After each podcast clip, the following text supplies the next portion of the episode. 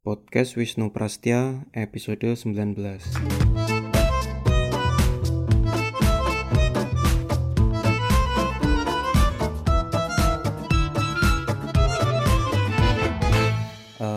ketemu lagi di podcast yang membahas isu-isu seputar media dan jurnalisme. Nah, eh, di episode kali ini saya akan coba membahas tentang ya seperti biasa isu yang sedang uh, rame di media sosial dan sekarang khususnya uh, mengenai fenomena buzzer versus media yang lagi rame kayak gitu. Nah, tentu saya kira teman-teman juga akrab ya dengan istilah buzzer kayak gitu dan ya sebagai istilah memang perkara buzzer ini buzzer politik khususnya memang isu yang sebenarnya sudah ramai saya kira beberapa tahun belakangan kayak gitu seiring dengan apa namanya uh, kondisi politik yang memanas ya. Uh, nggak cuma pas uh, pemilihan presiden atau pemilihan legislatif kayak gitu tapi juga waktu pemilihan gubernur. Misalnya kayak ketika di Jakarta uh, 2-3 tahun yang lalu kayak gitu. Nah meski sudah ramai beberapa tahun belakangan dia muncul lagi ke permukaan kayak gitu ya bulan-bulan ini dan ia mulai menghangat lagi dibicarakan terkait uh, buzzer ini majalah Tempo uh, edisi minggu yang lalu kalau tidak salah misalnya mengeluarkan editorial yang yang saya kira nadanya juga cukup keras ya mengenai uh, buzzer ini kayak gitu. Nah, Tempo sendiri menulis uh, begini, saya kutip. Tingkah buzzer pendukung Presiden Jokowi makin lama makin membahayakan demokrasi di negeri ini. Berbagai kabar bohong mereka sebarkan dan gaungkan di media sosial untuk mempengaruhi opini dan sikap publik.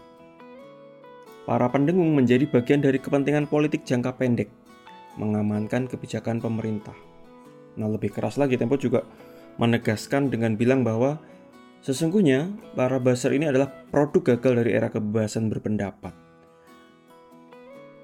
Memanfaatkan kemampuan menulis karena sebagian di antara buzzer Jokowi adalah bekas wartawan dan fanatisme pembaca, mereka mengemas kabar bohong sedemikian rupa sehingga terlihat benar.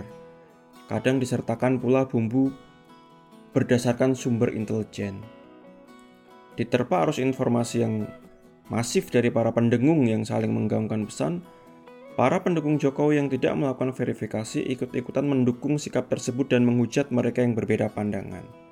Nah, selain editorial Tempo tersebut, salah satu sumber yang saya kira kemudian juga menjadi bahan perdebatan atau untuk memperhalusnya mungkin bahan diskusi terkait buzzer ini juga um, ada riset dari Oxford Internet Institute yang yang berjudul The Global Disinformation Order 2019 Global Inventory of Organized Social Media Manipulations.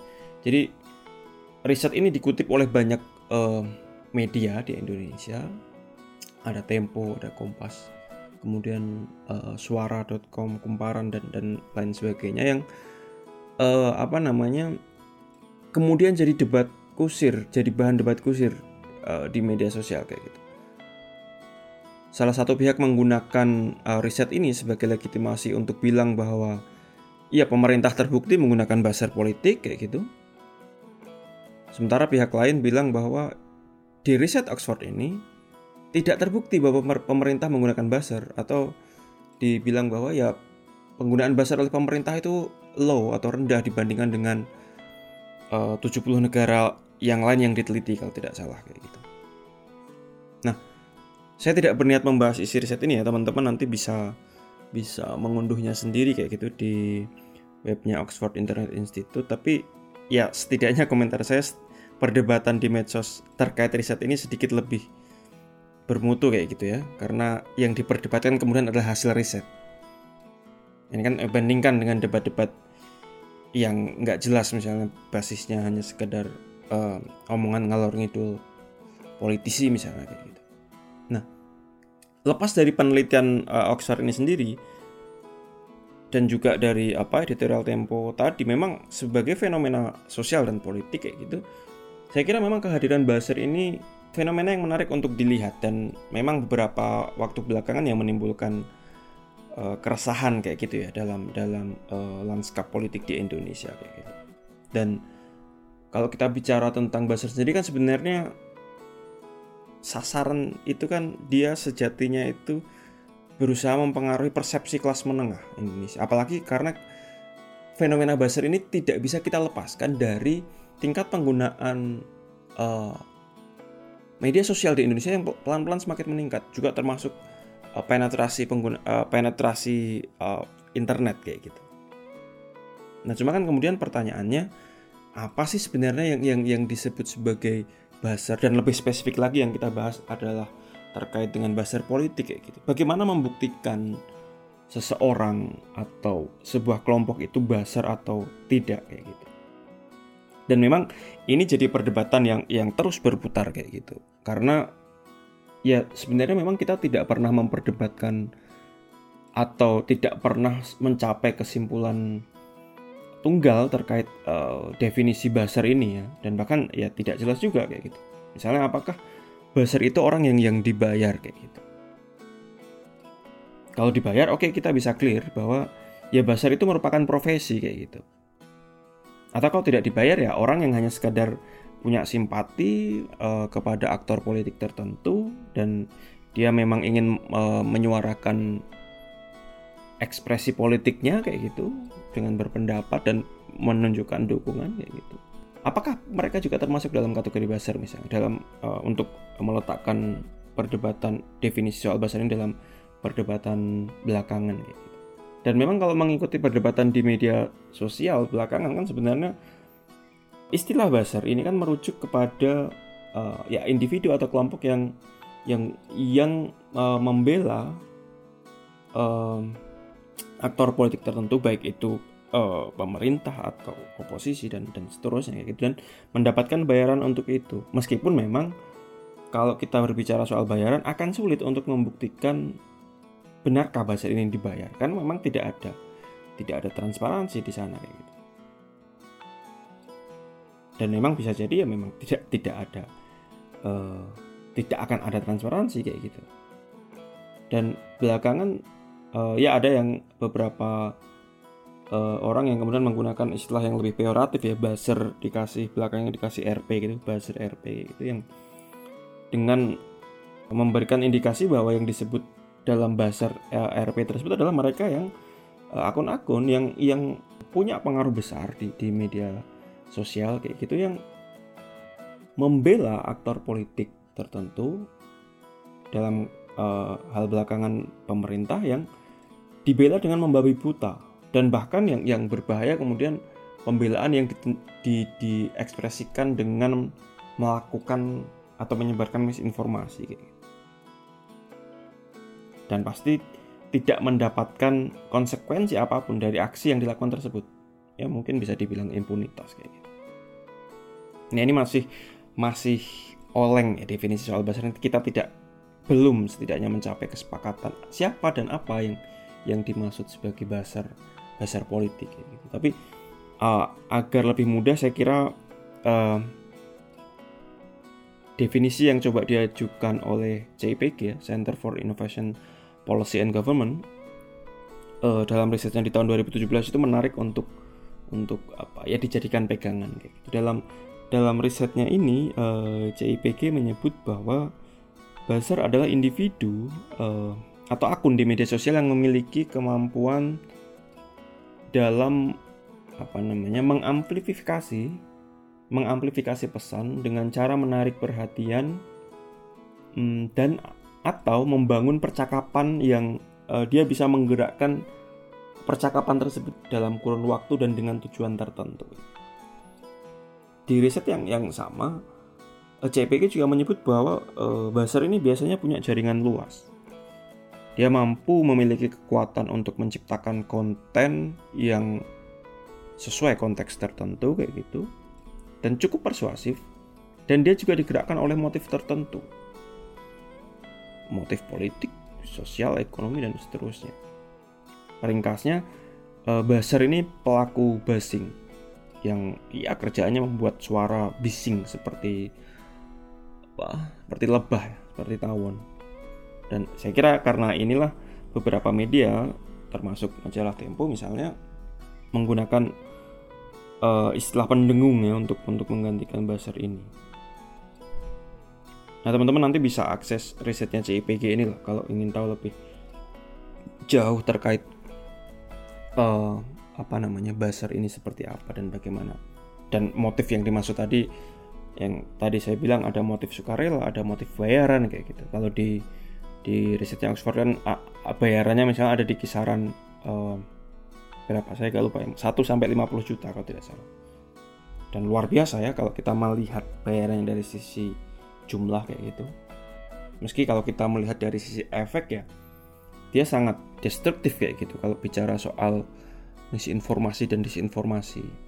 Dalam literatur ilmu politik kita mengenal apa yang disebut sebagai spin doctor yang uh, berkaitan dengan strategi komunikasi yang dilakukan oleh aktor-aktor politik untuk membelokkan isu atau mengarahkan isu atau opini publik agar sesuai dengan agenda politik yang mereka miliki. Spin doctor ini akan apa ya? Nyepin itu apa? Ya, tadi ya membelokkan isu dengan kacamata yang bisa selalu positif atau dalam beberapa hal negatif selama dia menguntungkan aktor politik yang dibela. Dalam hal ini bisa siapa saja ya, bisa pemerintah, eh, bisa eh, kelompok oposisi bahkan juga bisa kelompok masyarakat sipil kayak gitu. Dan dalam derajat tertentu fungsi spin doctor ini kan melekat ya dalam dalam basar seperti yang saya bilang di atas tadi kayak gitu. Ntar kalau kita bicara dalam khazanah uh, kajian marketing politik ya, ya kehadiran bazar politik ini kan konsekuensi yang tidak terhindarkan dari perubahan gaya marketing politik karena kehadiran mm, media sosial kayak gitu. Artinya dalam dalam derajat tertentu saya kira kehadiran buzzer ini hal yang apa ya wajar dan biasa saja kayak gitu ya proses yang normal saja saya kira. Nah, yang menjadi tidak wajar atau tidak normal kan kemudian ketika uh, para buzzer ini terlibat secara aktif dalam proses mis misinformasi dan disinformasi. Belum lagi jika kita bicara relasi antara buzzer dengan kekuasaan. Oke, editorial Tempo itu kan menyebut begini yang saya kira juga nadanya keras para pendengung eh, agaknya punya hubungan kuat dengan penguasa dan aparat negara. Mereka bisa dengan mudah mendapatkan profil pihak yang dianggap sebagai lawan politik seperti kartu tanda penduduk, nomor telepon, bahkan jenis telepon seluler yang digunakan. Dukungan pemerintah kepada Basar pun terlihat dengan pemberangusan akun-akun yang punya sikap yang berbeda, yang dituding menyebarkan kabar bohong. Kolaborasi para Basar ini dengan aparat negara yang pada akhirnya memperkuat kartel kekuasaan yang memberangus kebebasan berpendapat dan berbicara. Nah, ini memang salah satu yang yang yang terlihat dengan gamblang kayak gitu. Soal relasi antara Basar dengan kekuasaan termasuk apa yang dideskripsikan uh, editorial majalah Tempo tadi dengan bagaimana Basar itu bisa melakukan uh, proses doxing terhadap lawan-lawan politik aktor-aktor politik tertentu ya. Doxing ini kan ya tadi membuka data pribadi di publik, menguploadnya ke media sosial dan tidak mendapatkan konsekuensi atau sanksi apa pun terkait aktivitasnya tersebut. Padahal itu kan bentuk ya bentuk-bentuk pelanggaran hukum kayak gitu. Tapi ya mendapatkan impunitas pada akhirnya. Ini ini uh, yang kemudian muncul dan terlihat ada banyak keanehan yang yang kemudian mesti kita pertanyakan. Kenapa akun-akun tertentu seperti mendapat bebas mau memposting apa saja sementara yang lain selalu ada dalam bayang-bayang uh, undang-undang ITE misalnya kayak gitu. Nah, pada titik inilah kemudian saya setuju dengan pendapat yang menyebut bahwa ya basar itu merusak demokrasi kayak gitu. Atau seperti yang disebut oleh salah satu kawan saya bahwa ya basar itu musuh demokrasi kayak gitu karena karena eh, selain menjadi corong propaganda saya kemudian melihat di Indonesia kayak gitu bahwa justru banyak hal yang menunjukkan uh, buzzer-buzzer ini seperti mencoba mengisolasi pemerintah dari suara-suara kritis dan organik di masyarakat. Bahkan terlibat aktif untuk mendiskreditkan suara suara-suara kritis yang yang sebenarnya saya kira bagus ya buat buat pemerintah. Karena kalau kita bicara dalam konteks demokrasi ya kritik atau kritik itu kan hal yang biasa saja kayak gitu hal yang wajar-wajar saja dan justru ya politik itu kan seni mengelola perbedaan pendapat, seni mengelola atau meyakinkan uh, lawan politik kita dengan uh, ya, argumen yang rasional dan seterusnya gitu. Jika tadi saya bilang Basar punya fungsi dan sama serupa dengan dengan spin doctor, kemudian dalam konteks di, di Indonesia saya melihat bahwa ya tadi kemudian ada banyak hal yang yang menunjukkan bahwa pelan-pelan buzzer di media sosial yang punya suara berpengaruh ini pelan-pelan berusaha untuk membungkam aspirasi kritis warga. Contohnya itu banyak lah kalau kita mau deret-deret panjangnya kayak gitu ya. Bagaimana kemudian suara-suara itu diredam dengan upaya untuk membungkam agar tidak muncul kritik serupa. Nah, makanya kita melihat uh, ketika misalnya pemilik Bukalapak salah nge-tweet yang terkesan tidak mendukung Jokowi ya sebelum Pilpres. Kemudian rame-rame ada hashtag yang mengumandangkan uninstall Bukalapak dan memberi review jelek kayak gitu. Termasuk misalnya ada juga gerakan kemarin ketika Tempo belakangan sering mengkritik Jokowi ya rame-rame orang orang ngasih review jelek ke uh, Tempo kayak gitu. Termasuk salah satu anak wartawan senior yang yang menulis dan apa dengan nada mengancam kayak gitu bahwa Tempo jangan menyerang Basar yang kalau terluka bisa apa bikin gerakan un uninstall unsubscribe Tempo kayak gitu. Dan dan seterusnya. Termasuk misalnya ketika mahasiswa dan pelajar uh, demonstrasi beberapa minggu yang lalu juga banyak hashtag-hashtag yang yang mencoba mendiskreditkan teman-teman mahasiswa dan pelajar kayak gitu. Yang ini kita sebenarnya kan bisa lacak dalam dalam uh, hashtag-hashtag yang kemudian trending di uh, di Twitter kayak gitu. Nah, ini yang yang yang pada tahap tertentu kemudian saya sebut sebagai hal yang yang destruktif kayak gitu. Lalu apa yang mesti dilakukan ketika kita melihat bahasa politik seperti ini? Apa yang yang harus dilakukan? Baik oleh pemerintah misalnya atau juga kelompok masyarakat sipil kayak gitu. Karena saya juga pernah ingat misalnya uh, dua atau tiga tahun yang lalu uh, pemuda Muhammadiyah juga pernah mengusulkan untuk memfatwa haram bazar politik kayak gitu. Mbak berita-beritanya masih bisa dicek. Karena uh, mungkin menilai bahwa ya bazar politik ini memberikan uh, mencemarkan ruang publik dan menjadikannya toksik kayak gitu. Nah tapi memang hal seperti itu bisa jadi kalau kita kemudian keliru untuk melakukan analisis atas persoalan bisa kontraproduktif sendiri karena salah-salah ya bisa bisa membungkam kebebasan berekspresi itu sendiri kayak gitu. Dan ya seperti yang saya bilang tadi seperti yang saya bilang tadi um, menurut saya basar politik ini kan fenomena yang ya alamiah saja saya kira kayak gitu. Dia muncul sebagai uh, konsekuensi dari uh, perkembangan teknologi komunikasi kayak gitu dan khususnya internet dan media sosial di negara-negara maju misalnya seperti di Amerika atau di Inggris ya buzzer atau istilahnya bukan buzzer ya apalah influencer uh, politik atau semacamnya itu ya itu sudah fenomena yang ya tidak hanya terjadi belakangan tapi sudah lama kayak gitu pembela uh, Presiden Donald Trump Donald Trump di Amerika misalnya ya banyak persona-persona di media sosial yang siap dengan pasukan cybernya untuk kemudian membela atau mempertahankan kebijakan-kebijakan Donald Trump gitu. Dan ini banyak terjadi di, di, di banyak negara kayak gitu. Apa ya bahasanya? Ya die hard uh, die hard fansnya kayak gitu yang punya pengaruh di di ya khususnya di media sosial ini kan ya hal yang serupa yang yang sedang terjadi di uh, Indonesia. Artinya saya kira begini, setiap upaya untuk kemudian menertibkan atau mengontrol ini saya kira akan sia-sia. Yang bisa dilakukan kan kemudian meminimalisir dampaknya terhadap um, demokrasi dan kebebasan berpendapat kita kayak gitu.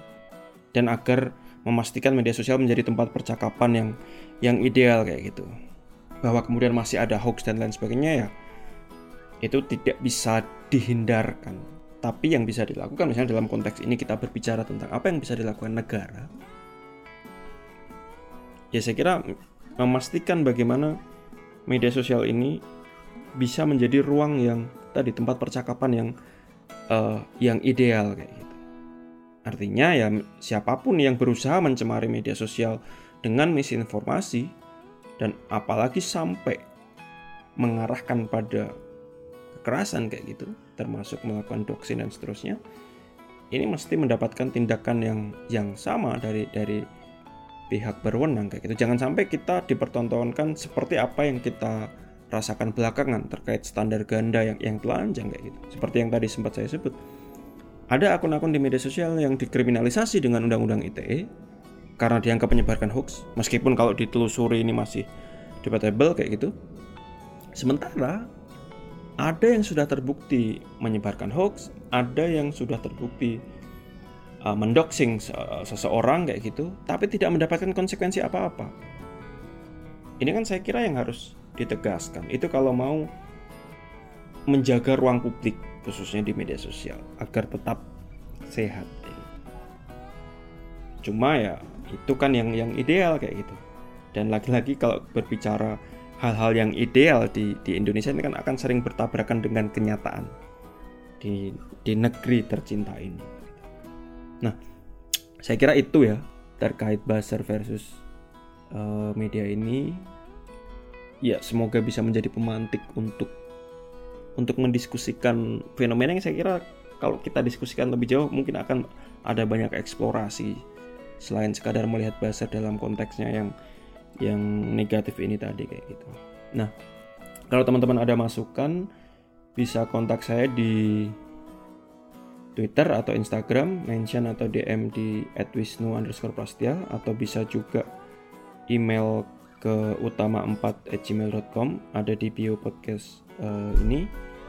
Dan kira-kira begitu dari saya untuk episode kali ini. Ketemu lagi di episode-episode selanjutnya. Ciao